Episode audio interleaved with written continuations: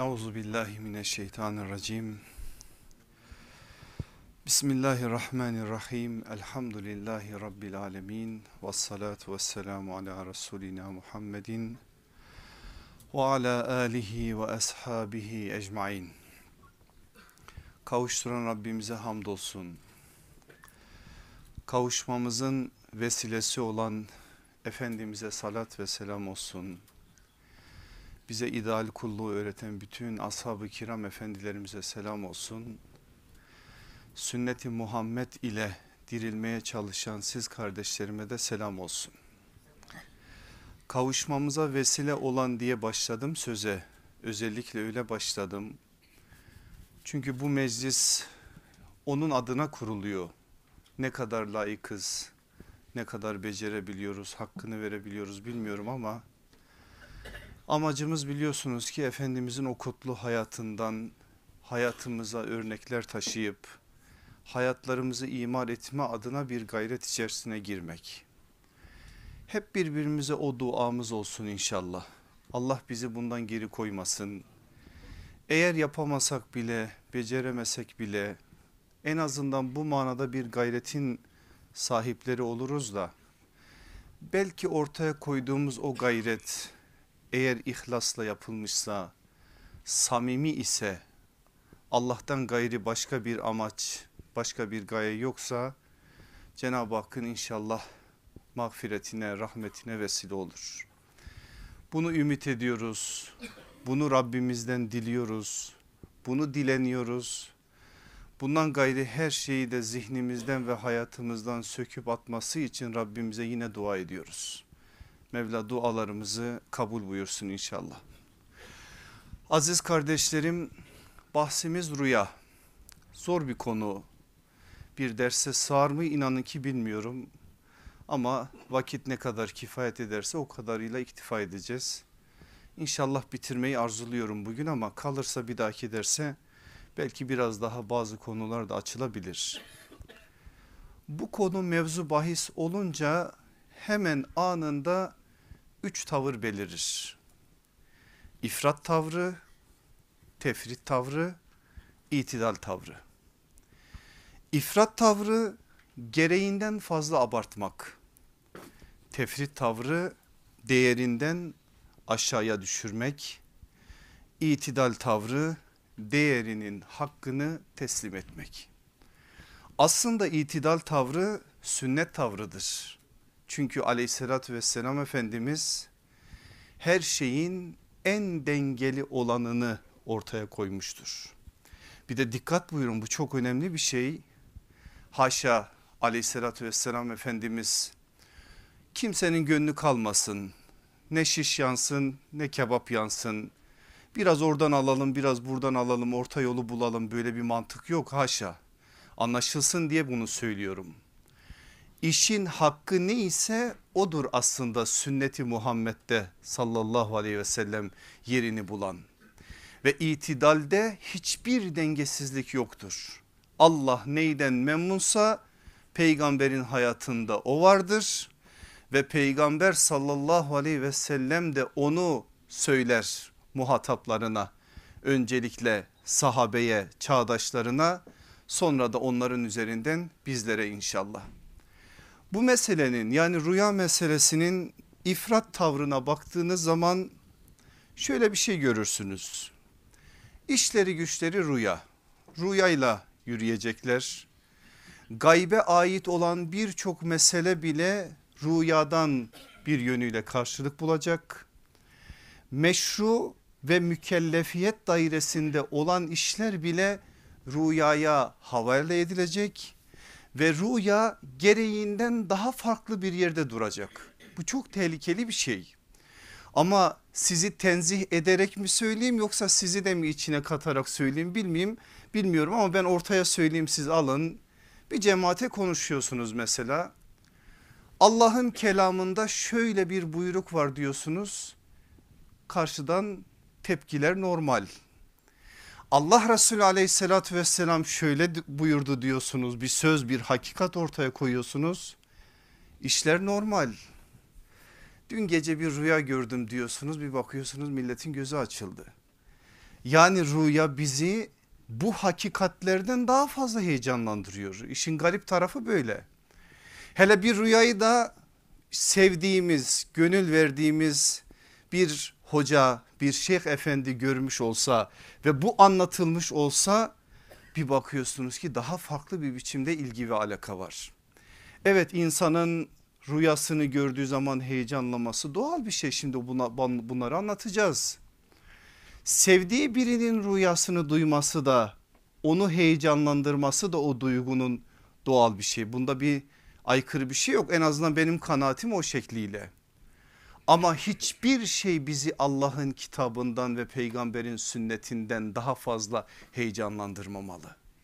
O heyecan sıralamasında bir sıralamaya tabi tuttuğumuz zaman Allah şöyle buyuruyor dediği zaman yüreğimiz yerinden çıkacakmış gibi heyecanlanmalıyız. Yani biraz önce size resmetmeye çalıştığım o rüyaya karşılık nasılsa Allah'ın kitabına olan o karşılık kat kat daha fazla olmalı.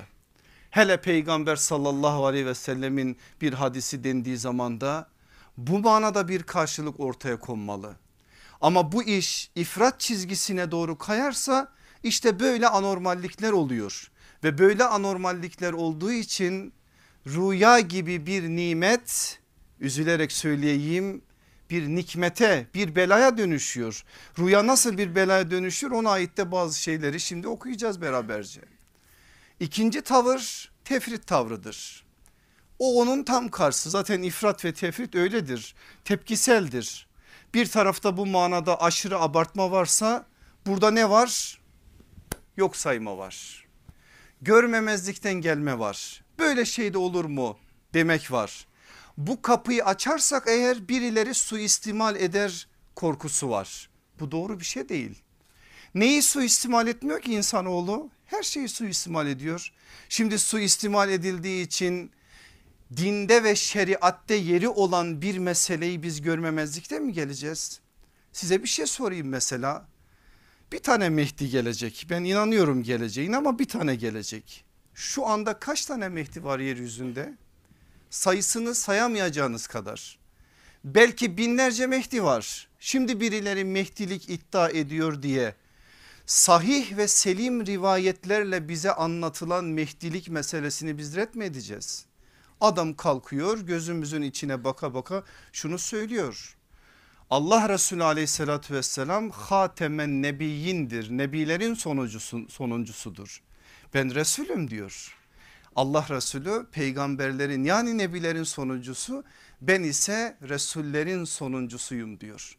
Şimdi nübüvvet kurumu bile birilerinin eliyle vesilesiyle el ayağa düşürülüyorsa kalkıp biz bu meselede de başka bir şey mi söyleyeceğiz? Dolayısıyla hiçbir ifrat meselesi bizi tefride götürmemeli. Meselenin itidal çizgisidir. Asıl olan o itidal çizgisini korumak gerekir. Onu da öğrenebileceğimiz yerdir işte sünneti Muhammed sallallahu aleyhi ve sellem. Her zaman dediğimiz bir cümle var ya sünneti Muhammed ile kaim olacak ümmeti Muhammed. Eğer bu ümmeti Muhammed'in geleceğinden bahsediyorsa ki etmeliyiz bunun yolu Allah Resulüne ittibadan geçiyor. Her konuda olduğu gibi bu konuda da öyle.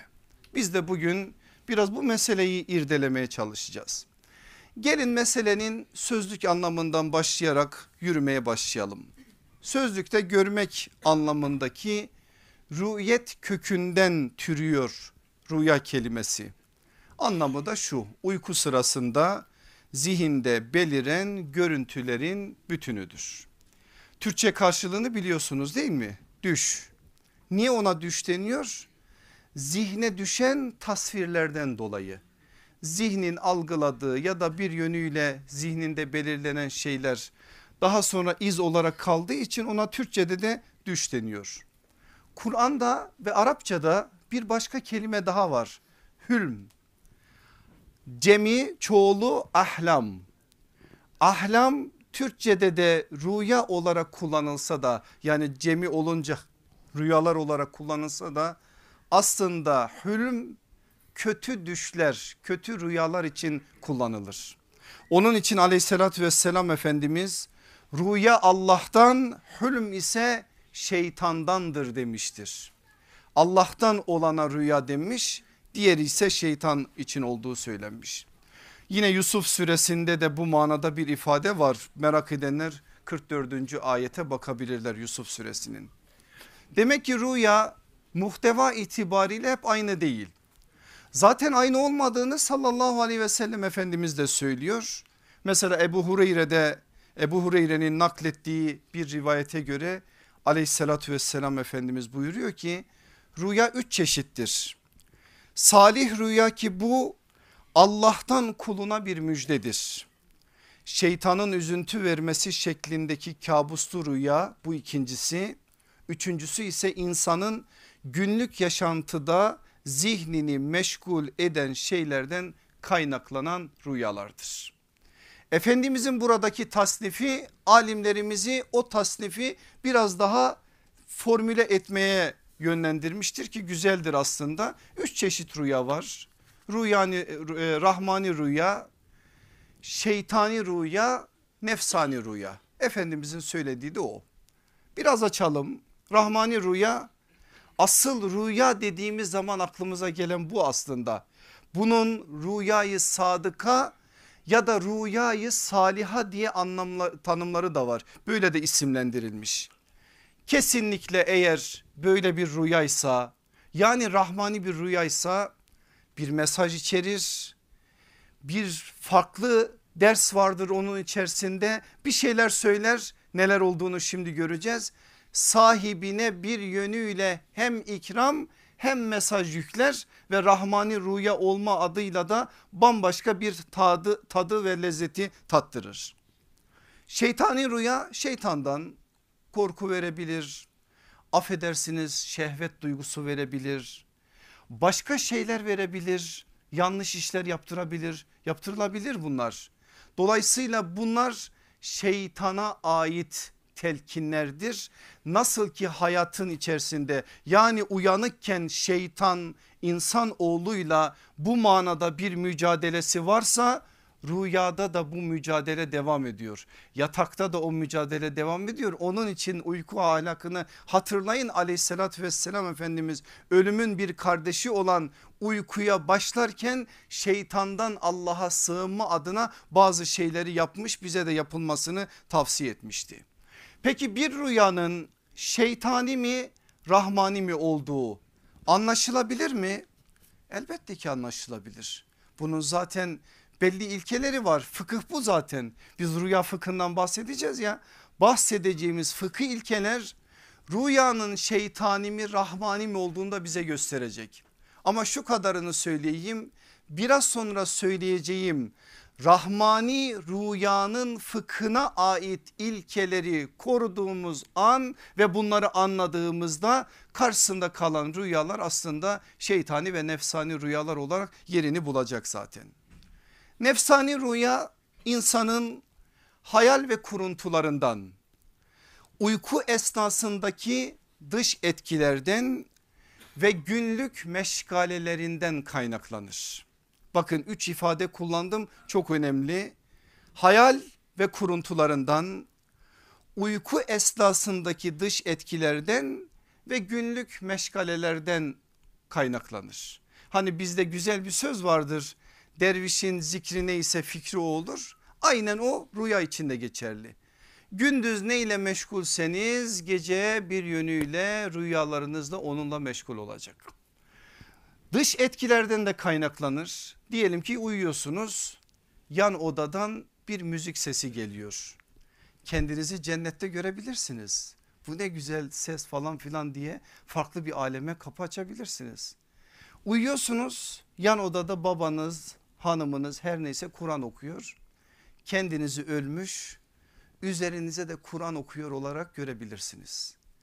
Biri gelir sizin ayak parmağınızın birine bir mandal iliştirir uyurken. Siz o mandalı rüyanızda bambaşka bir biçimde hissedebilirsiniz. Biri gelir tam başınızda durur eline alır bir su böyle yavaş yavaş başka bir kaba onu dökmeye başlar. O su sesi size başka şeyler yaptırır. Yani bu tarz şeyler mümkün. Dolayısıyla dış etkenlerden etkilenmek mümkün.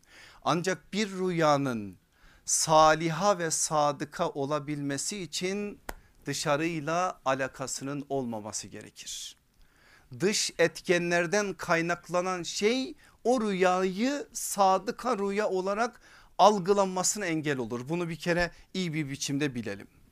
Peki şeytani ve nefsani rüyalara karşı nasıl bir tavrımız olmalı?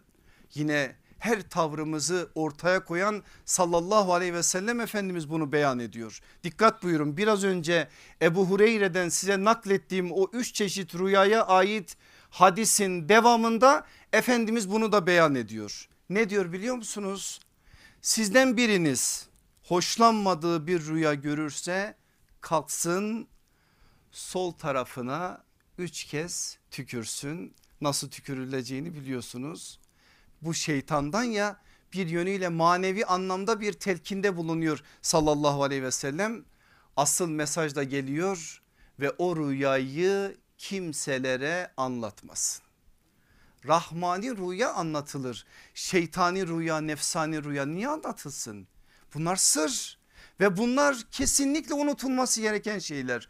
Bunlar öyle arkasına düşülecek şeyler değil. Başka hadislerde şu izahı da göreceksiniz. Kötü bir rüya gördü. Kalksın güzelce bir abdest alsın iki rekat namaz kılsın. Yine manevi bir telkin mi bu? Manevi bir telkin. Ama Allah aşkına hadisin devamına bir dikkat edin. Bakın aleyhissalatü vesselam Efendimiz ne kadar önemli bir şey söyleyecek bize şimdi. Rüyada ayaklara vurulan zinciri severim. Boyunlara geçirilen zincirden ise hoşlanmam diyor. Hadisin kaynağını vereyim siz biraz bakın bu hadise. Bukhari'nin tabir babının 3 numaralı Müslim'in rüya babının 1 numaralı hadisi. Rüyada ayaklara vurulan zinciri severim. Boyunlara geçirilen zincirden ise hoşlanmam. Ne demek? Hadis şarihleri diyorlar ki burada söylenen şey ayaklara vurulan zincir dinde sebat, boyunlara vurulan zincir şeytanın oyuncağı haline gelmek. Demek ki adam bir rüyayla yoldan da çıkabilir. Bir rüya ile bambaşka yerlere de gidebilir Allah korusun. Bir rüya ile şeytanın elinde oyuncak olmak da var. Bir rüya ile şeytanın bir yönüyle adamı olmak, onun hizmetçisi olmak, ona hizmet etmek de var. Bu kadar tehlikeli işte. Dolayısıyla burada hassas bir şey var ve bu hassas meseleyi doğru bir biçimde anlamazsak eğer dedim ya en başta nimet olan bir şeyi Allah korusun nikmete yani belaya dönüştürme ihtimali de her an imkan nahilinde. Ne dedi sallallahu aleyhi ve sellem Efendimiz? Şeytani ve nefsani rüyalar bir kimselere anlatılmamalı. iki tesiri altında kalınmamalı. Bu da rüyanın fıkı yani şeytani ve nefsani rüyaların fıkı aslında. Kimselere anlatılmamalı ve tesiri altında kalınmamalı. Geliyor Bedevi'den biri Cabir bin Abdullah da bize naklediyor. Bizim gördüğümüz rüyalara benzer bir rüya görmüş o insan. O da bir sahabidir. Allah ondan ebeden razı olsun. O gelip anlatıyor. Bedeviler biraz rahat oldukları için sahabe de hoşlanır onların gelip Allah Resulüne soru sormalarına. Öyle birisi gelip Efendimiz'e diyor ki ya Resulallah bir rüya gördüm anlatmak istiyorum. Anlat diyor Efendimiz. Başlıyor anlatmaya. Ya Resulallah birden baktım ki rüyamda başım gövdemden ayrıldı önüme düştü başım ve önümde yuvarlanmaya başladı. Ben de başımı yakalamak için onun peşinden koşmaya başladım. Başlamış böyle güzel güzel anlatıyor Allah Resulü aleyhissalatü vesselam bu cümlelerin bitmesini beklemeden sus diyor. Sus rüyanı kimselere anlatma şeytanın rüya yoluyla seninle eğlenmesine de fırsat verme. Bakın yolu ve yöntemi gösteriyor aleyhissalatü vesselam Efendimiz. Dolayısıyla orada o bedevinin gördüğü rüya şeytani ya da nefsani artık neyse böyle bir rüya olduğu için rahmani bir rüya olmadığı için Aleyhissalatü vesselam Efendimiz rüyanın tamamlanmasını beklemeden sus diyor kimselere anlatma sen de tesiri altında kalma şeytanın seninle eğlenmesine de fırsat verme. Bu önemli bir şey bizim için de önemli bir mesaj olarak aklımızda rüya fıkı meselesinde rüyanın anlaşılması meselesinde iyice yer edinmeli. Şimdi benim aziz kardeşlerim sizin adınıza üç tane soru sormak istiyorum. Rahmani rüyanın değeri nedir? Bir rüyanın rahmani rüya olduğu nereden anlaşılır? Rahmani rüyanın fıkı nedir?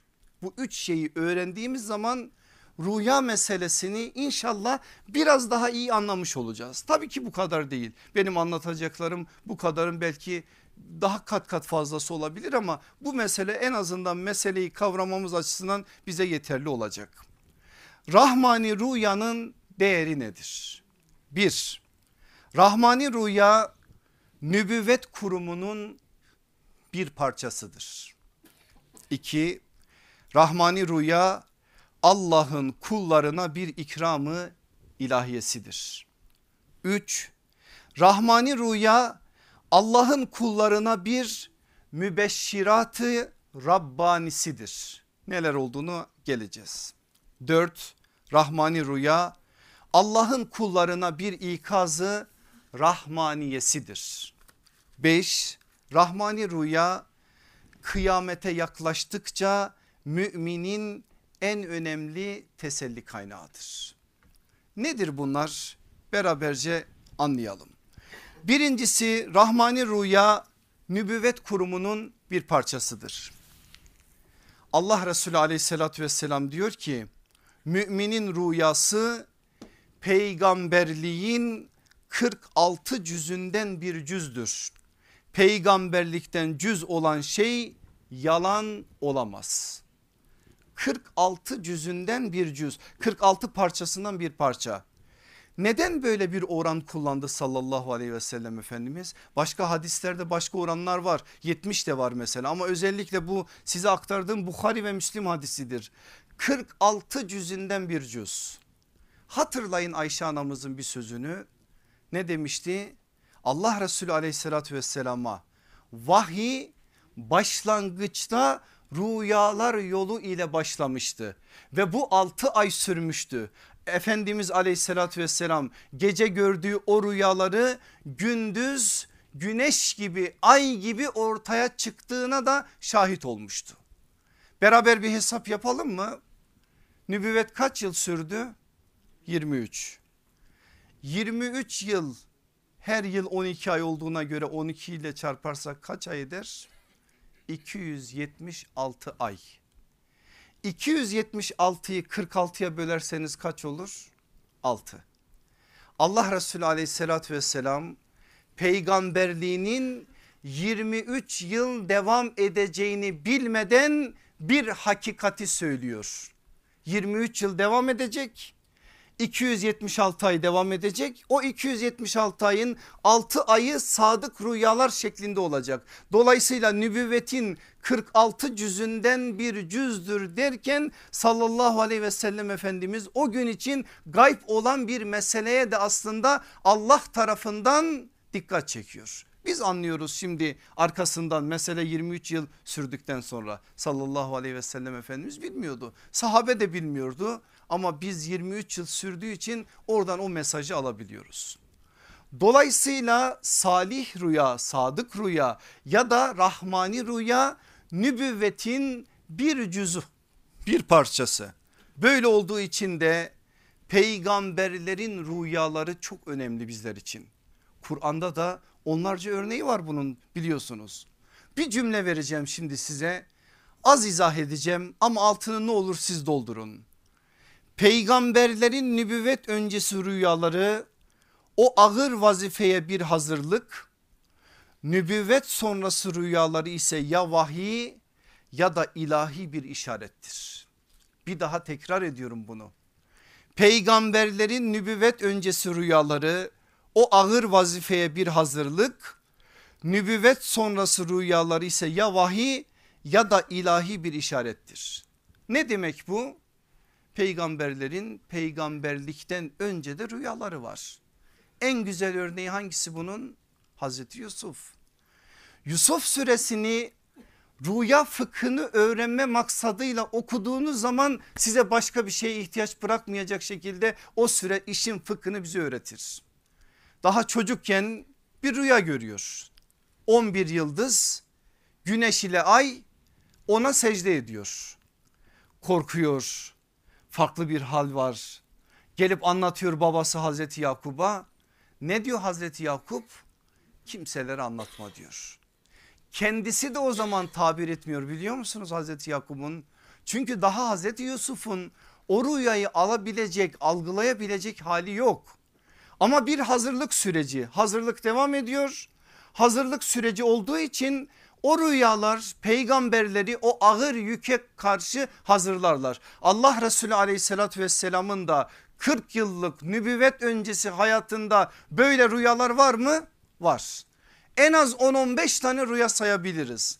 Ama bir tanesini sadece hatırlatarak geçeyim. Şakkı sadr hadisesi maddi midir manevi midir? Rüyada mı olmuştur hakikat aleminde mi olmuştur? Çocuklukta mı olmuştur Miraç'ta mı olmuştur? Vahyin öncesinde mi olmuştur? Bu ayrı bir mesele. İnşallah Allah bir gün imkan fırsat verir siyer derslerine başlarız. O zaman biraz detaylı bunu ele alırız. Şimdi orada değiliz bizim meselemiz o değil. Ama Bukhari'de nübüvvet öncesi günlerine ait sallallahu aleyhi ve sellem efendimizin şakkı sadr hadisesinin manevi boyutuna ait anlatılan bir rüya var. Uyuyorum diyor evde bir anda rüyamda tavan açıldı. Nurdan bir merdiven sarkıtıldı. İki tane nurani varlık geldi göksümü açtı kalbimi çıkardı ne de güzel kalbi varmış dedi kalbimi yıkadı sonra tekrardan kalbimi yerine koyarak işi bitirdi. Uzunca anlatılan orada o rüyada Allah Resulü aleyhissalatü vesselamın vahye nasıl hazırlandığına dair çok güzel bir işaret var. Bunlar nübüvvet öncesinde hazırlık. Nübüvvet sonrasında vahiy bir kısmı ama bir kısmı da ilahi bir işaret. Vahiy olmayabilir Kur'an'a girmemiş olabilir ama işaretleri var. Efendimiz aleyhissalatü vesselamın mesela Bedir öncesinde gördüğü ve ya da başkalarının görüp ona tabir edildiği rüyalar gibi. Uhud öncesinde gördüğü rüya gibi sonrasında gördüğü kaç tane rüya gibi ki eğer vakit kalırsa birkaç tanesini de size anlatacağım. Bu tarz rüyalar eğer vahye girmişse yani Kur'an'ın konusu olmuşsa zaten onda bir sıkıntı yok. Onu biz Kur'an'dan ayetler olarak okuyoruz. Hudeybiye'nin öncesinde görülen rüya gibi. Ama bazıları da var ki ilahi bir işarettir. Oradan Allah Resulü aleyhissalatü vesselama bazı işaretler veriliyor. O işaretlere göre de Efendimiz aleyhissalatü vesselam amel ediyor. Dolayısıyla rüyanın Rahmani rüyanın peygamberlere bakan kısmında böyle bir şey var. Peki bizim için ne var? Biz peygamber değiliz haşa. Peygamberlere ümmet olma iddiasındayız inşallah Rabbim o iddiamızın altını doldurmayı bize kabul buyursun. Bize yardım etsin inşallah. Nedir burada bizim için önemli olan kısım? Yine Efendimiz sallallahu aleyhi ve sellem söylüyor. Ebu Hureyre naklediyor. Efendimiz buyurmuş ki benden sonra peygamberlikten sadece sadece mübeşşirat kalacaktır. Mübeşşirat müjdeler. Sahabe soracak ya Resulallah mübeşşirat da nedir? Allah Resulü aleyhissalatü vesselam diyecek ki salih rüyadır. Dolayısıyla rahmani bir rüya ise eğer salih bir rüya ise eğer sadık bir rüya ise eğer bizim için de mübeşşirat noktasında müjdeler noktasında bazı mesajlar barındırır. Onun için dedik ya birinci madde nübüvvet kurumunun bir parçasıdır. İkincisi Rahmani Rüya Allah'ın kullarına bir ikramı ilahiyesidir. Güzel bir şey yapmışsınız. Gayretullah'a dokunmuş.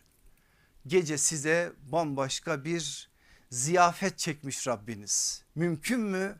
Mümkün. İkram ilahi bu zaten. Yani eğer rahmani bir rüya ise ikram ilahi dediğimiz zaman bu şekliyle anlamak gerekir.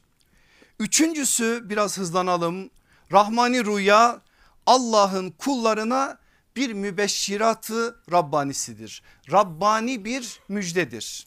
Ya gelecekte olacak bir şeyi söyleyebilir. Ya farklı bir haberden haberden sizi haberdar edebilir. Ya farklı bir şeyi zihninize düşürebilir. Rahmani bir rüya bunları yapar ve bu da mübeşşirat cinsinden Allah'ın size bir ikramı olarak gelebilir. Bakın bazı şehitlerin hayatlarına sadece asrı saadette yaşayanlar değil son dönemlerde olanlar da dahil buna. Bazı şehitlerin hayatına bakın şöyle bir bilgi göreceksiniz. Şehadetlerinden önce şehadetlerini gördükleri rüyalar ile yanlarındaki insanlara bildirmişlerdir. Allah o müjdeyi rüyada ona bir yönüyle vermiştir. Mübeşşirat adına böyle bir şey tattırmıştır. Gencecik bir insan mesela düşünün 20-22 yaşlarında üniversitelerin hallerini biliyorsunuz. Bana evliya göster dedikleri zaman ben onları gösteriyorum. Kızıyorlar bana ama öyle. Gerçekten evliya onlar. Yani siz Allah'ın veli kulunu saçı sakalı ağarmış insanların içinden ayrılmış bir dağa bir tekkeye gitmiş orada postun üzerine oturmuş elinde tesbih tesbihle uğraşan insanlardan ibaret zannetmeyin. Asıl Allah'ın veli kulu kız olsun erkek olsun şu fuhşun her türlü rezilliğin oluk oluk sokaklardan aktığı bir zamanlarda Yusuf'un ve Meryem'in rolünü oynamaya çalışan insanlardır. Bir genç eğer bu manada bir hassasiyeti varsa Allah mübeşşirat cinsinden onlara bazı şeyleri tattırabilir. Bazen bazılarını anlatıyorlar bana bazı gençler inanın gıpta ediyorum. Şimdi diyeceğim haset ediyorum olmaz. Niye o gördü ben görmedim diye, diyerek içimden geçiriyorum kendime de kızıyorum. Öyle bir rüya görmüş ki onun mübeşşirattan başka bir izahı yok. O tam da bir mübeşşirattır. Dolayısıyla bu manada ortaya konulan hayata Allah böyle bir ikramda bulunabilir. Dördüncüsü ikazı rahmanidir. Buna nedir Bediüzzaman? Şefkat tokatı. Allah seviyor kulunu ama bazı eksikleri var kusurları var. Bir tane tokat yemesi lazım kendine gelmesi adına. Rüyada bir şey gösterilir o bir işaret olur onu o yanlıştan koparabilir. Mesela böyle bir rüya var mı yok mu bilmiyorum ama ben söyleyeyim bir örnek olsun diye bir yönüyle mesaj tam otursun. Şöyle bir rüya görse birisi denizin başında elinde olta karşısında balıklar. Balıklar hoplayıp zıplayıp duruyor bu atıyor oltayı olta boş geliyor. Eğer böyle bir rüya varsa balık rızıktır. O kadar rızkı görmesine rağmen o rızıktan nasiplenemiyorsa bir şeyler eksik hayatında.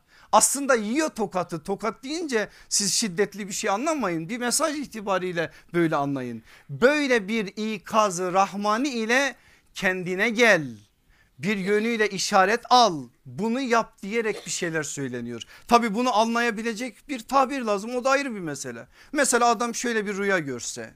Sakallıdır. Ya da sevdiği hoca sakallıdır. Ya da farklı birisi vardır hayatında sakallıdır.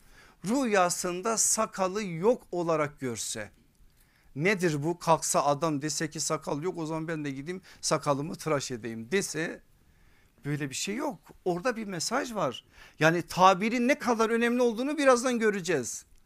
Hayatında eksik olan bir sünnet var. Allah aslında o sünnete dikkat çekiyor. Senin hayatında şu eksik diyor. Bir yönüyle onu ikaz ediyor. Rahman olan Allah onu şefkat tokatıyla farklı bir biçimde uyarmaya çalışıyor. Dolayısıyla onun için diyoruz ki ikazı rahmanidir. Beşincisi rahmani rüya kıyamete yaklaştıkça müminin en önemli teselli kaynağıdır. Kıyamete yaklaştığımız dönemin adı nedir? Ahir zaman. Ne olacak ahir zamanda? Fitneler çoğalacak. Mümin kim, münkir kim, münafık kim birbirine karışacak. Bize yanlış yanlış şeyler söyleyecek birileri. Bu manada farklı şeyler farklı şeyler ortaya çıkacak. İşte o zamanlarda mümine bir teselli kaynağı ne olacak? Rahmani rüyalar olacak. Allah Resulü aleyhissalatü vesselam da diyor ki kıyamet yaklaşınca ahir zamanda müminin tabii ki bu rahmani rüyadır rüyası yalan çıkmaz. O görülen rüya rahmani bir rüyaysa mümine bir teselli kaynağıdır. Mümin onundan kendine bir şeyler alır.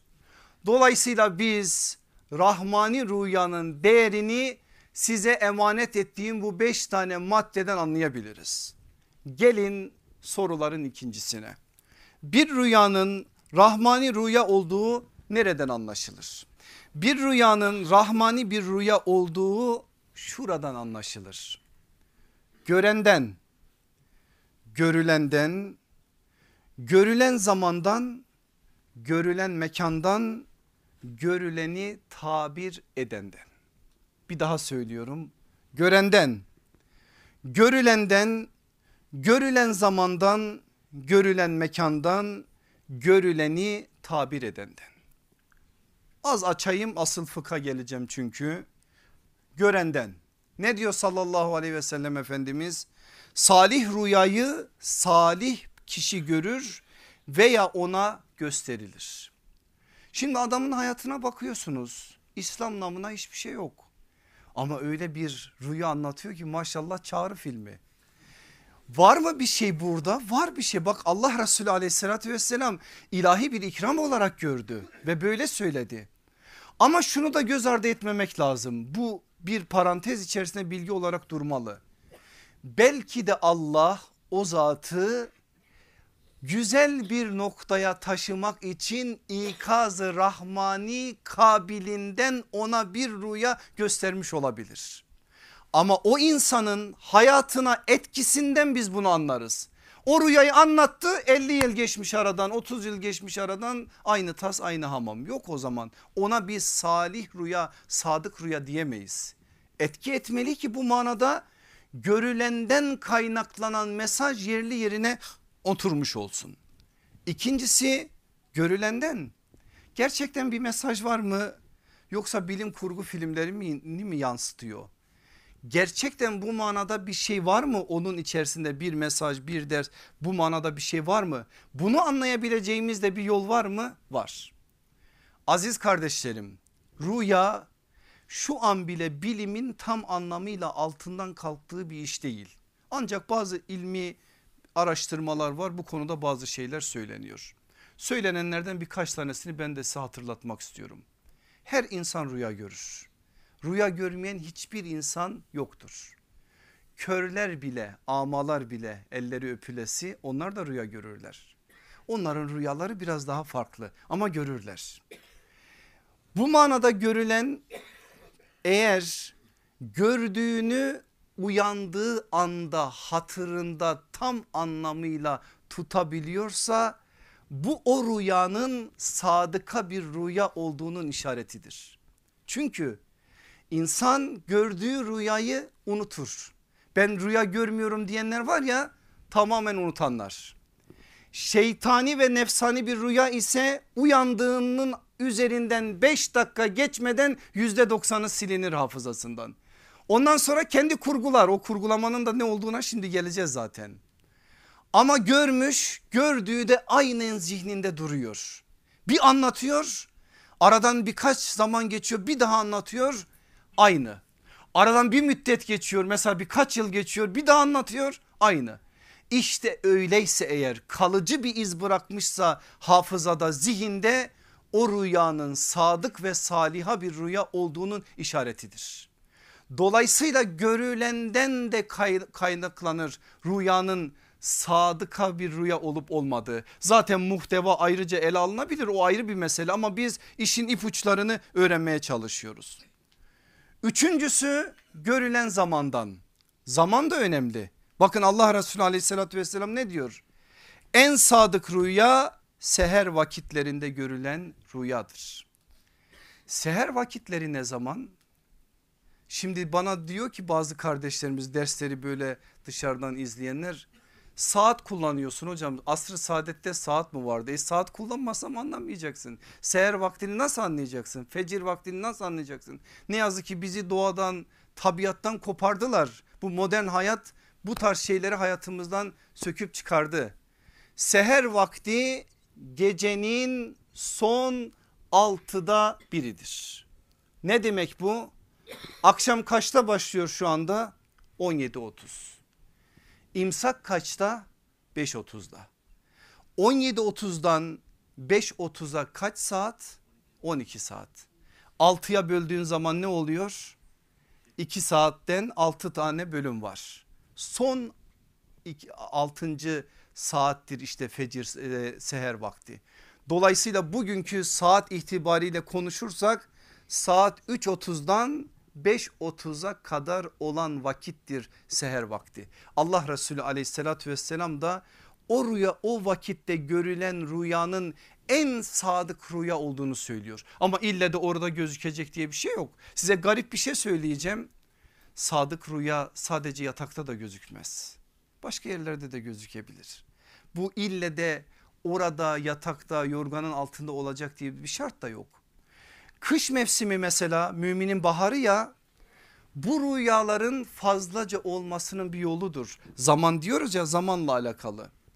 Bazen gündüz vakitlerinde geçen dersi hatırlayın o gündüzün bereketli vakitleri onların dışında uykuya ayrılan vakitlerde de sadık rüya görülebilir. Ve onun dışında başka vakitlerde mümkündür. Mesela bir Ramazan gecesinde hele hele isabet etmişse bir Kadir gecesinde bir cuma gecesinde mesela yine hadislerde şurada burada yerini alan bu manada kutsiyet atfedilen belli gece ve zaman dilimlerinde bunlara ait yerlerde de eğer zaman itibariyle farklı bir değer varsa rüyaya da değer katılabilir.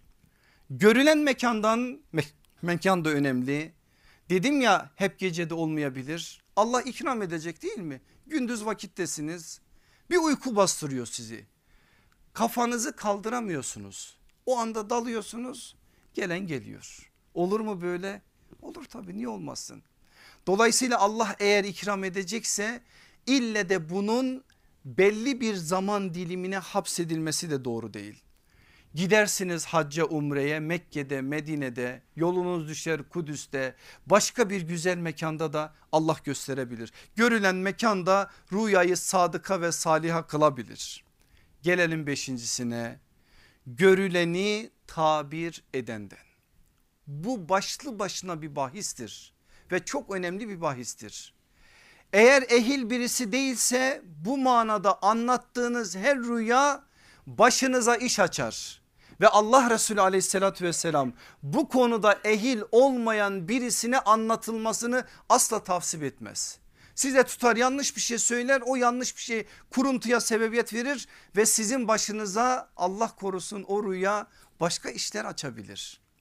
Bu ilim başka bir ilim. Bende de yok. Bir kere onu söyleyeyim ki başıma iş açmayayım. Gelip bana rüya tabir ettirmeyin. Bende de yok. Bu başka bir şey. Bu tevil ahadis bambaşka bir şey. Bu ilimle de sadece kazanılacak bir şey değil. Allah'ın ikramıyla alakalı bir şey. Mesela bazı insanlara Cenab-ı Hak bu manada bir kabiliyet verir. Ciddi bir ilim erbabı değildir. Yani en azından kifayet oranında bir ilmi vardır ama öyle bir tabir eder ki ağzınız açıkta kalır ve gerçekten de isabetlidir. Böyle ehil insanlar varsa eğer etrafınızda onlara anlatın diyor. Çünkü tabir meselesi önemli bir meseledir. Öyle rüya gördünüz bir şeyler gördünüz mesela tamam hemen koşalım tabircimiz kim? Hazreti Google açalım rüya tabirlerini bakalım ne var yok böyle bir şey. Çünkü rüyadaki en ufak bir şey rüyanın manasına etki edebilir. Gençken görürsünüz bir rüyayı tabiri başkadır. Yaşlıyken görürsünüz başkadır. Rüyayı gören kadındır tabir başkadır. Rüyayı gören erkektir tabir başkadır. Rüyayı görürsünüz siyah beyaz renkler seçilmez başkadır. Bir renk vurgundur biraz öndedir tabir başkadır. İle ahir yani bir şey bir anda değişebilir ve rüya içerisinde rüya olabilir.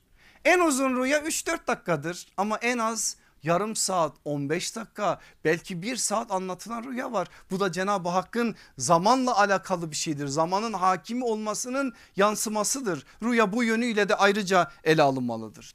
Dolayısıyla görüleni tabir edebilecek ehil birisine ihtiyaç var ki o rüyanın rüyayı sadıka mı rüyayı saliha mı yani rahmani bir rüya mı yoksa şeytani ve nefsani bir rüya mı olduğunu anlamış olalım. Hatırladınız mı yine Hazreti Yusuf'un rüyasını ne dedi sakın kardeşlerine anlatma. Neden? Çünkü haset edebilirler. Yine gidersin anlatırsın görümcene başına iş açarsın işte. Alır sana onu haset eder ya da kuzenine neyse akrabalar birbirlerini bu manada biraz daha fazla kıskanırlar. Niye sen başına iş açacaksın? Bu bir sır ve bu sırrı saklayabilecek ehliyetle bunu sana izah edebilecek şerh edebilecek birine ihtiyaç var. Bu varsa eğer bu manada tabire ihtiyaç duyulur yoksa kalır artık ne zaman bulursan o zaman anlatırsın. Gelelim asıl konumuza ama daha çok meselemiz var. Rahmani rüyanın fıkı nedir? Bunun bir fıkı var mı? Var. Şunu hiç unutmayın benim aziz kardeşlerim. Hayatta olan her şeyin İslam'da yeri vardır. İslam'da yeri olanın fıkıhta da karşılığı vardır. Çünkü hayatı yaşıyoruz biz. Rüya da hayatın içerisinde bir şey mi? Bir şey. Öyleyse eğer fıkıhta da bunun bir yeri var. Fıkıh dediğimiz zaman işin usulü, kaidesi, kuralları, ilkeleri hepsi vardır. Rüyanın yani rahmani rüyanın fıkhı nedir? Bir, doğru anlatılmalı, mübalağadan kaçınmalı, zihinde ne kalmışsa onunla yetinilmelidir. Bakın çok önemli bir ilkeyi en başa aldık. Doğru anlatılmalı, mübalağadan kaçınmalı, zihinde ne kalmışsa onunla yetinilmelidir. Zaten sadık ve salih rüyaysa zihinde kalır onu dedik. Ama kalktın bir miktarı gitmiş bir miktarı kalmış. Bugün bazı tarihçilerin yaptığı gibi o boşlukları da ben doldurayım diyemezsin. Bu rüya için sana asla bu manada bir imkan verilmez. Ne diyor biliyor musunuz Allah Resulü aleyhissalatü vesselam sizin en doğru rüya görenleriniz en doğru söyleyenlerinizdir. Verdi mesajı yetmedi bakın Bukhari'nin menakıb babında Allah Resulü aleyhissalatü vesselam ne diyecek? Bunları bilirsek eğer biz rüya anlatmaya korkarız zaten. Aklımızda varsa eğer gerçekten bu manada anlatırız yoksa susarız. Ne diyor Efendimiz aleyhissalatü vesselam? En büyük iftiralardan birisi görmediği bir rüyayı görmüş gibi anlatan insanın iftirasıdır. Adam görmemiş ya da görmüş bir parçasını görmüş kendisi onu zenginleştirmiş başka şeyler katmış. Bunu nasıl ifade ediyor sallallahu aleyhi ve sellem? Atılan en büyük iftira diyor. Daha da dehşetli bir şey söyleyeceğim. Çok da sonuncusunu bunu nakledeceğim size. Bu da Bukhari hadisidir. Yalandan rüya gördüğünü söyleyen kimse kıyamet günü iki arpa tanesini birbiriyle bağlamakla mükellef tutulacak ve asla onları birbirine bağlayamayacak. Dehşet bir şey bu. Dedim ya insanı titretmeli bu. İki arpa birbirine bağlanır mı? Bağlamaz ya imkansız bir şey. Efendimiz onun için söylüyor. Böyle bir şeyle mükellef tutulacak. Çünkü bu çok önemli bir şey.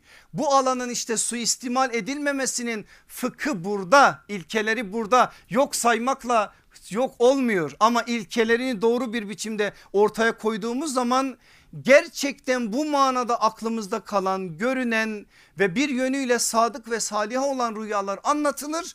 Onun da alınan mesajlarına göre hareket edilir. Bu bir. İkinci maddeye gelin. Herkese anlatılmamalı. Bir reklam malzemesine dönüştürülmemeli. Onun üzerinden farklı hesaplara girilmemelidir. Bu çok önemli bir şey benim aziz kardeşlerim. Kaç senedir beni dinliyorsunuz. Ben de görürüm birkaç tane rüya. Hiç anlattım mı size? Anlatmadım. Anlatmam da. Niye anlatayım? Böyle şeyler reklam meselesi olmaz. Olmamalı da. Çünkü bunu reklama döktüğün andan itibaren o iltifatı Rabbani kesilebilir. Sen başka bir amaç güttün. Ne yaptın? Anlatayım. Allah'ın beni vazifelendirdiğini söyleyeyim rüyamda adamlarım çoğalsın. Ne oldu? Sen o işe başka bir şey kattın. Başka bir şey kattığın için Allah artık seni şeytanın oyuncağı kılar. Allah korusun o güne kadar gördüğün sadık rüyalar yer değiştirir. Şeytani rüya görmeye başlarsın ve gördüğün şeytani rüyayı da rahmani rüya zannedersin. Yani güzel başladığın o yolu güzel bitiremeyebilirsin. Müseylemetül Kezzab'ı hatırlıyorsunuz değil mi? Adam ne diyordu? Bana vahiy geliyor diyordu. Geliyor mu vahiy ona? Geliyor. Ama Allah'tan gelmiyor. Vahiy her zaman Allah'tan gelmez. Şeytandan da gelebilir Allah korusun. Dolayısıyla şeytanın oyuncağı olmama noktasında aleyhissalatü vesselam efendimizin anlattığı o özel durumlar hiçbir zaman bizim aklımızdan çıkmamalı. Anlatabilirsin nasıl anlatırsın yanında yol arkadaşların vardır bir iki tane kader birliği yaptığın insan vardır onlara da moral olsun diye onlara da takviye olsun diye anlatırsın. Ama bunu kürsülerden cemaatlere şunlara bunlara ilan edip şöyle rüya gördük böyle rüya gördük böyle oldu şöyle oldu böyle diyemezsin. Bunu reklam aracına dönüştüremezsin. Reklam aracına dönüştürdüğün andan itibaren olay rahmani boyuttan Allah korusun şeytani boyuta kayar. Üçüncüsü başkalarını o rüya ile amel etmeye zorlamamalı. Görülen rüyanın asla başkasını bağlamadığını iyice bilmelisin. İyice bilmeli. Rüyayı sen gördün. E ben niye amel edeyim? Ben öyle bir, bir mükellefiyetim yok. Edersem ederim. Ama etmesem de bana hiçbir sorumluluk yok. Ben gördüğüm rüyayı anlatayım size ve sizden amel isteyeyim. Böyle bir hakkım yok. Sizden bu manada bununla amel edin diyerek size bunu bir mükellefiyet olarak yükleyemem. Bunu yüklediğim anda da sadıka rüya olma özelliğini kaybeder. Dördüncüsü kendisi gördüğü rüya ile amel edebileceği gibi etmeye edebilir. Etmeyeceğini de hatırından çıkarmamalı. Bunun bir tercih meselesi olduğunu iyice bellemelidir. Hatırlıyor musunuz sallallahu aleyhi ve sellem Efendimizin Uhud'un öncesine gördüğü rüyayı? Sahabeyle istişare etti. Sahabe dedi ki çıkalım meydan savaşına. Efendimiz de istirahat için içeriye geldi, girdi ve o anda Cenab-ı Hak ona bir rüya gösterdi. Uzunca bir rüya birkaç cümlesini söyleyeceğim. Ne gördü Efendimiz? Baktı ki sığır kurban edilmiş. Koyunlar var orada kanlar içerisinde. Bir zırh delik deşik olmuş. Çıktı Efendimiz dışarıya ve tabir etti. Kesilen o sığır ehli beytimden birinin şehit edileceğinin haberidir. Kesilen o koyunlar ashabımdan bazılarının şehit olacağının haberisi haberidir. Delinen zırh Medine'nin zarar görmesidir. Bu ne demek? Yapılan iş yani Uhud'a gitmek Medine'nin dışına çıkmak doğru değil. Allah göstermiş ama Efendimiz aleyhissalatü vesselam orada rüyayı değil dikkat buyurun. Ne olur dikkat edin istişareyi öncellemiştir. Allah Resulü aleyhissalatü vesselam rüya peygamber rüyası ondan daha ötesi var mı? Olacağı kesin ama buna rağmen istişareyi rüyanın önüne alması ve sahabenin pişman olmasına rağmen ya Resulallah dediğin gibi olsun ne olur Medine'de kalalım savunma savaş yapalım diye ısrarlarına rağmen bir peygamber zırhını giydikten sonra çıkarması asla uygun değildir diyerek bu manada attığı adım aslında rüya fıkhının peygamber dünyasında nerede durduğunu bize net bir biçimde ortaya koyuyor. Dolayısıyla kendi amel edebilir etmeyebilir Etmezse başına bir işler de gelebilir. Bundan da bir mükellef değil. Yani Cenab-ı Hak ona sormayacak sana bu rüyayı gösterdim de niye yapmadın gereğini. Çünkü rüya başka bir alem. Biz başka bir alemdeyiz.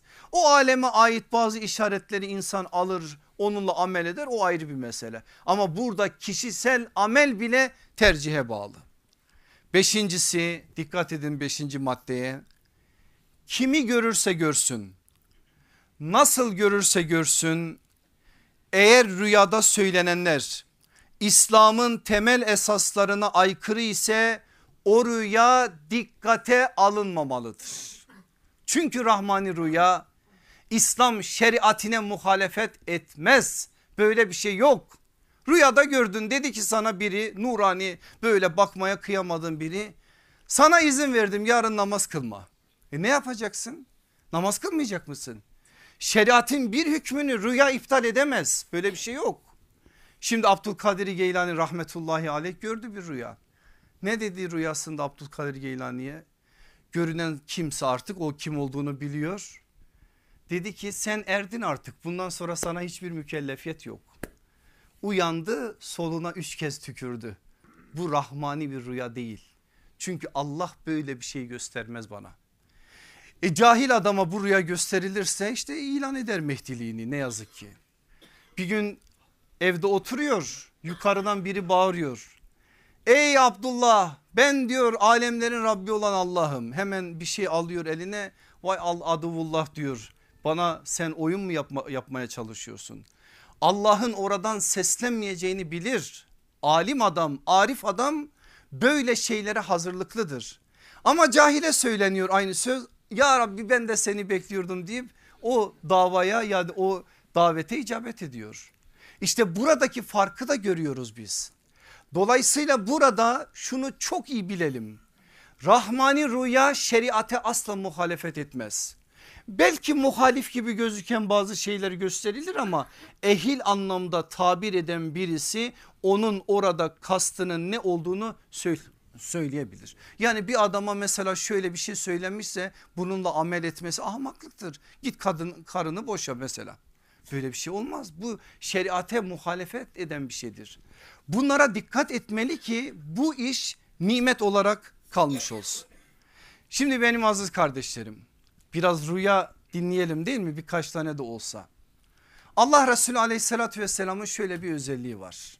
Mescid-i Nebevi'de sabah namazlarında cemaatine iki soru soruyor. Bu gece nasıl sabahladın? Bu gece rüya gören var mı? İyi ki o çağda değiliz de iki sorunun da muhatabı değiliz. İki soruya da muhatap olsak sınıfta kalırız en azından ben.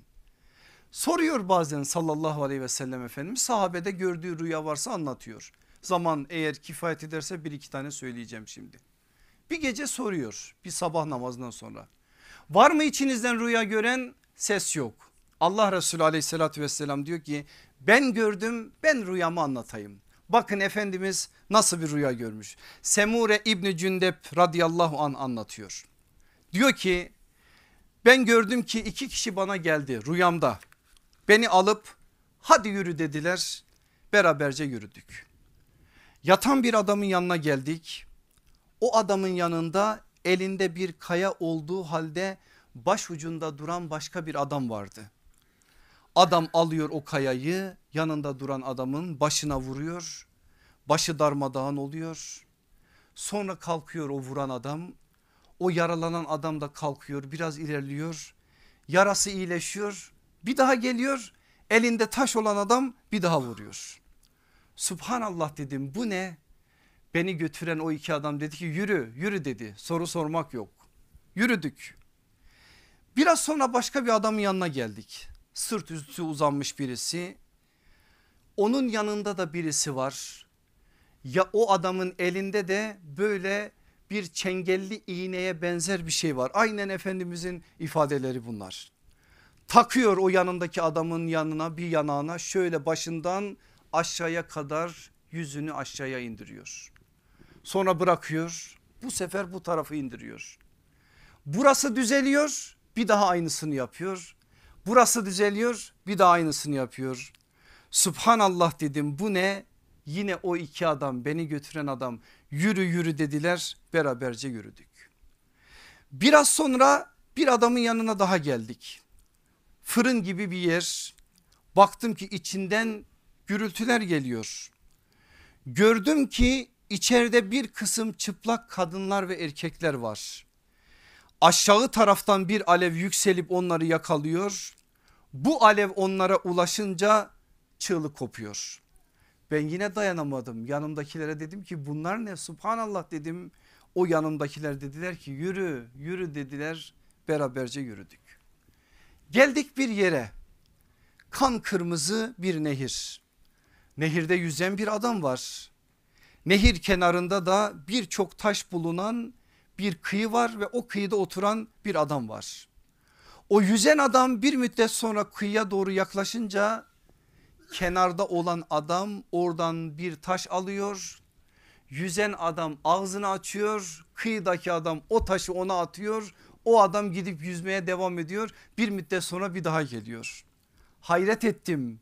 Subhanallah dedim. Bu ne dedim? Yanımdakiler yine yürü yürü dediler. Yürüdük. Bir müddet sonra çok çirkin görünüşlü, insanı korkutan bir adamın yanına geldik.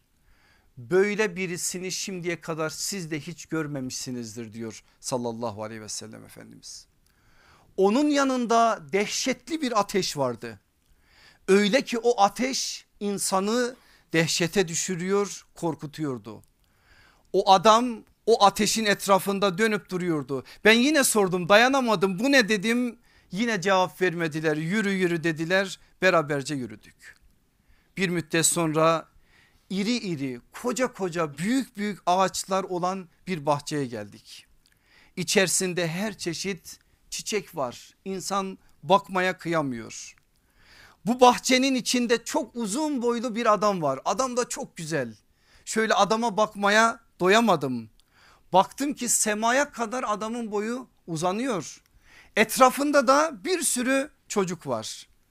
O anda ulu bir çınarın yanına geldik. Benim yanımdaki o iki adam çık dediler o ağacın üstüne. Beraberce o ağacın üstüne çıktık. Öyle güzel bir ağaç hayatımda hiç görmemiştim. Çıktık altından, gümüşten, tuğlalarla yapılmış bir şehre vardık. Derken şehrin kapısına geldik. Kapıyı açıp bizi içeriye almayı istediler o iki adam. Kapı açıldı beraberce içeriye girdik. Bir kısım insanlar karşıladılar bizi. Bunlar yaratılışta gariplerdi. Vücutlarının yarısı güzel yarısı çirkindi. Öyle güzelli ki o yarım, yarım kısmı bakmaya kıyamazsınız. Çirkin olan kısım da öyle çirkin ki asla bakamazsınız. Sonra bir nehir gördüm. Baktım ki o yarısı öyle yarısı böyle olan adamlar nehre dalıp çıkıyorlar. O çıkanlar güzel bir biçimde güzelleşmiş bir biçimde çıkıyorlar. Yine dayanamadım sordum nedir diye bana bir şey demediler. Sonra o yanımdakilerden biri konuşmaya başladı. Şu gördüğün yer var ya adın cennetidir. Şu da senin sana vaat edilen metin makamındır. Gözümü çevirdim bana vaat edilen makama baktım. Bir saraya andırıyordu tıpkı beyaz bir bulut gibi. Dedim ki onlara beni gezdirin bir bakayım kendi makamıma. Dediler ki şimdilik hayır ama mutlaka bir gün gireceksin. Ben geceden beri acayip şeyler gördüm. Artık dayanamıyorum bana anlatın diye onlardan talepte bulundum ve onlar da başladılar anlatmaya. Taşla başı yarılan o ilk gördüğün adam Kur'an'ı atıp reddeden, namazları ihmal eden, uykuyu namaza tercih eden kimsedir. Boynuna kadar yüzünün derileri burnu gözü soyulan adam evinden çıkıp başkalarına iftiralar atan yalanlar uydurup etrafa yalan saçan kimsedir. Fırın gibi bir binanın içinde gördüğün kadınlı erkekli çıplak kimseler zina yapan erkek ve kadınlardır. Kan nehrinde yüzüp ağzına taş atılan adam faiz yiyen adamdır. Ateşin yanında durup onu yakan ve etrafında dönen o dehşetli adam cehennemin bekçisidir. Bahçede gördüğün uzun boylu adam senin atan İbrahim'dir. Onun etrafındaki çocuklar ise fıtrat üzere buluğa ermeden ölen çocuklardır. Semure İbni Cündep diyor ki biz böyle ağzımızı açmışız. Allah Resulü aleyhissalatü vesselam'ı dinliyoruz. Birden birisi bir soru sormasın mı? Dedi ki ya Resulallah o çocuklar Müşriklerin çocukları mı? Allah Resulü aleyhissalatü vesselam dedi ki evet müşriklerin çocukları da. Çünkü mükellef değiller. Ve Efendimiz anlatmaya devam etti. Yarısı güzel yarısı çirkin olan o yaratılışlı adamlara gelince bunlar iyi amellerle kötü amelleri birbirine karıştırıp her ikisini de yapan kimselerdir. Allah da onları affetmiştir. Peygamber rüyası bu. Nerede geçiyor bu rüya? Bir takvim sayfasının arkasında değil. Bukhari'nin tabir babının 48, ezan babının 156 başka yerlerde de var Bukhari'de. Müslim'de rüya babının 23, Tirmizi'de rüya babının 10 ve başka yerlerde de. Allah Resulü aleyhissalatü vesselamın rüyası. Sabreder misiniz bir rüya daha anlatayım size. Bir rüya daha anlatayım ki inşallah bir rüya bu gece sizin de misafiriniz olsun. İbn Abbas radıyallahu anhum anlatıyor. Diyor ki oturmuştuk biz yine Efendimiz aleyhissalatü vesselamla beraber belki bir sabah namazı sonrası. Bir adam geldi dedi ki ya Resulallah bu gece bir rüya gördüm anlatmak istiyorum. Allah Resulü aleyhissalatü vesselam dedi ki anlat bakalım. Dedi ki bu gece rüyamda buluta benzer bir şey gördüm. Ondan yağ ve bal yağıyordu. İnsanlar da ellerini açıp bu yağan şeylerden almaya çalışıyorlardı. Azıcık alanda vardı çokça alabilen de. Derken arzdan semaya kadar uzanan bir ip gördüm. Siz o ipe yapışıp çıktınız. Sizden sonra birisi ona tutunup o da çıktı. Sonra bir diğeri yükseldi. Sonra bir diğeri daha ipe tutundu ama ip koptu. Sonra bir şeyler yaptılar ipi eklediler. O üçüncü şahıs da o ipe tırmandı ve yükseldi. Nedir bunun tabiri dedi. Cemaatin içerisinden biri kim o? Allah Resulünden sonra söz sahibi olan Sadık Ekber, Sıddık Ekber Ebu Bakir Sıddık radıyallahu an ya Resulallah dedi anam babam sana feda olsun bırak beni ben bunu tabir edeyim dedi. Niye biliyor musunuz? Efendimizden tasdik görmek istiyor. Çünkü biliyor ya mübeşşirat bu. Peygamberin yanında huzurunda bir rüya tabir edeyim de bakayım isabet mi değil mi? En azından Efendimiz tasdik etsin bunu. Efendimizden böyle bir talepte bulununca pekala dedi tabir et bakalım. Hazreti Ebu Bekir başladı konuşmaya. O bulutsum, bulutumsu gölgelik İslam bulutudur. Ondan yağan bal ve yağ Kur'an'dır.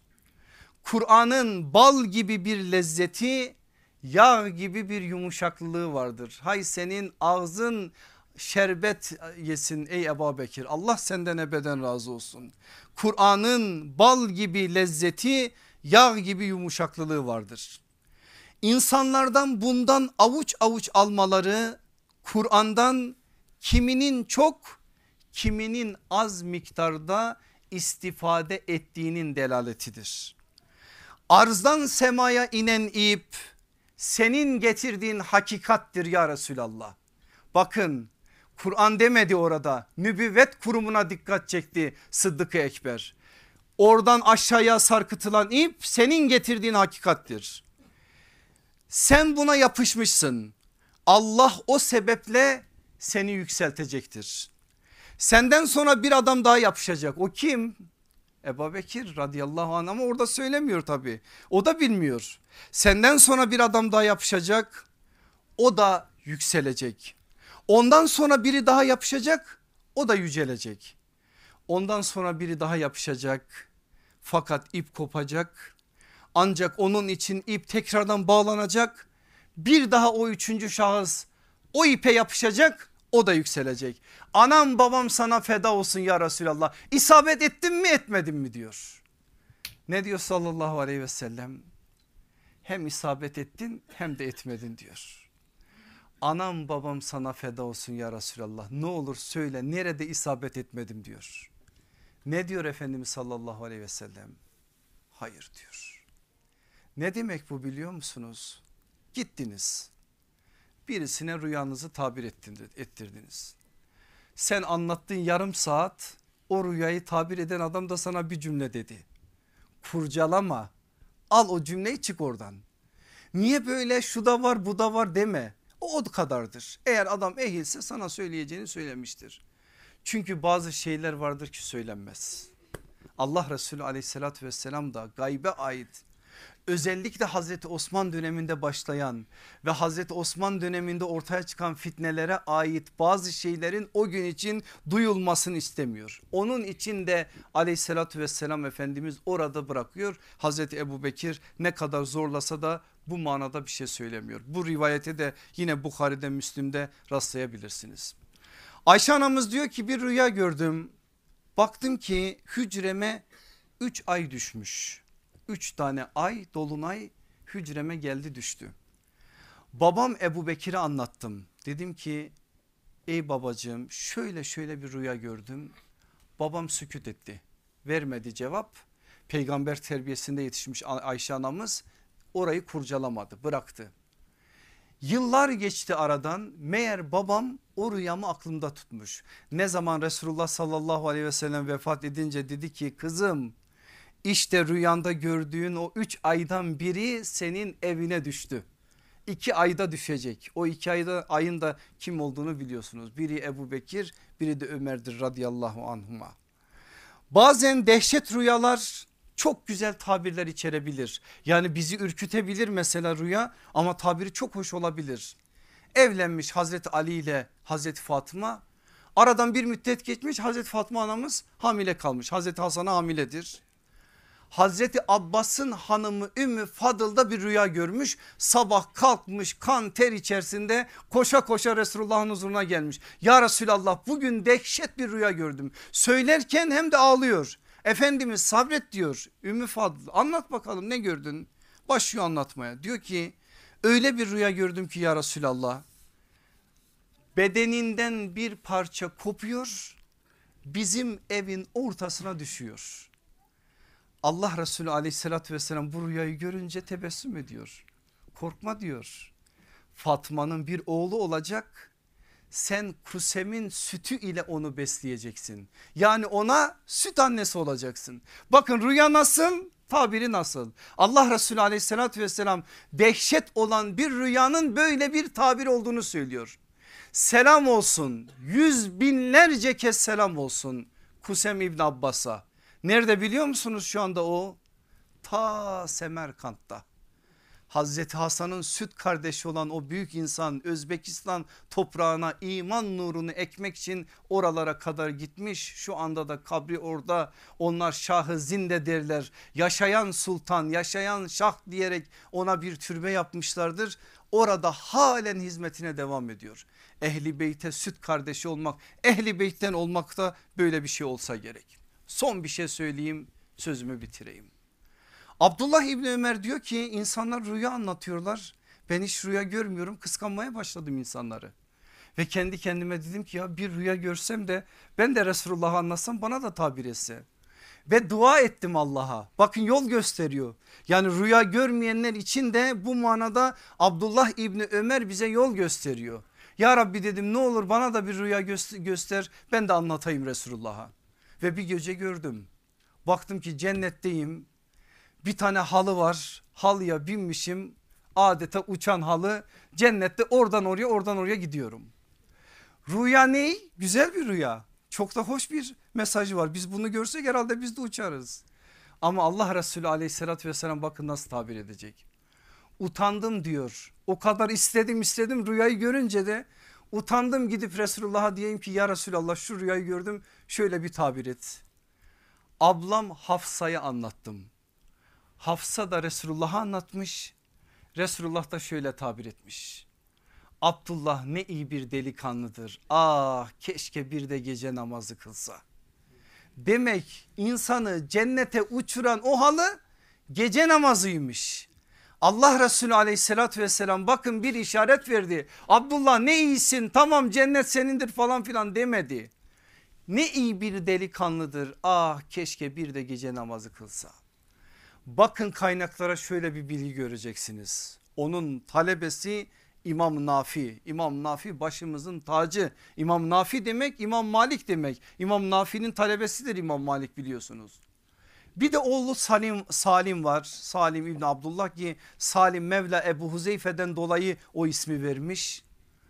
Diyor ki o rüyanın tabirini Resulullah Abdullah İbni Ömer'e söylediği günden itibaren bir gece olsun gece namazını üzerinden geçirtmedi.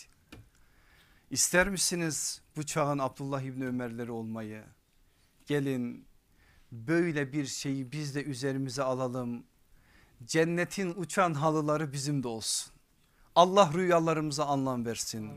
Hayatlarımıza anlam versin. Rüyalarımızı şenlendirsin. Küçüklüğümüze rağmen, zayıflığımıza rağmen, noksanlarımıza rağmen bizi mübeşşirat-ı ilahiden mahrum etmesin. Aziz kardeşlerim tam bitiremedim. Gelecek derste rüyayı anlatayım size. Hazreti Peygamber'in rüyada görülmesinin anlamı nedir?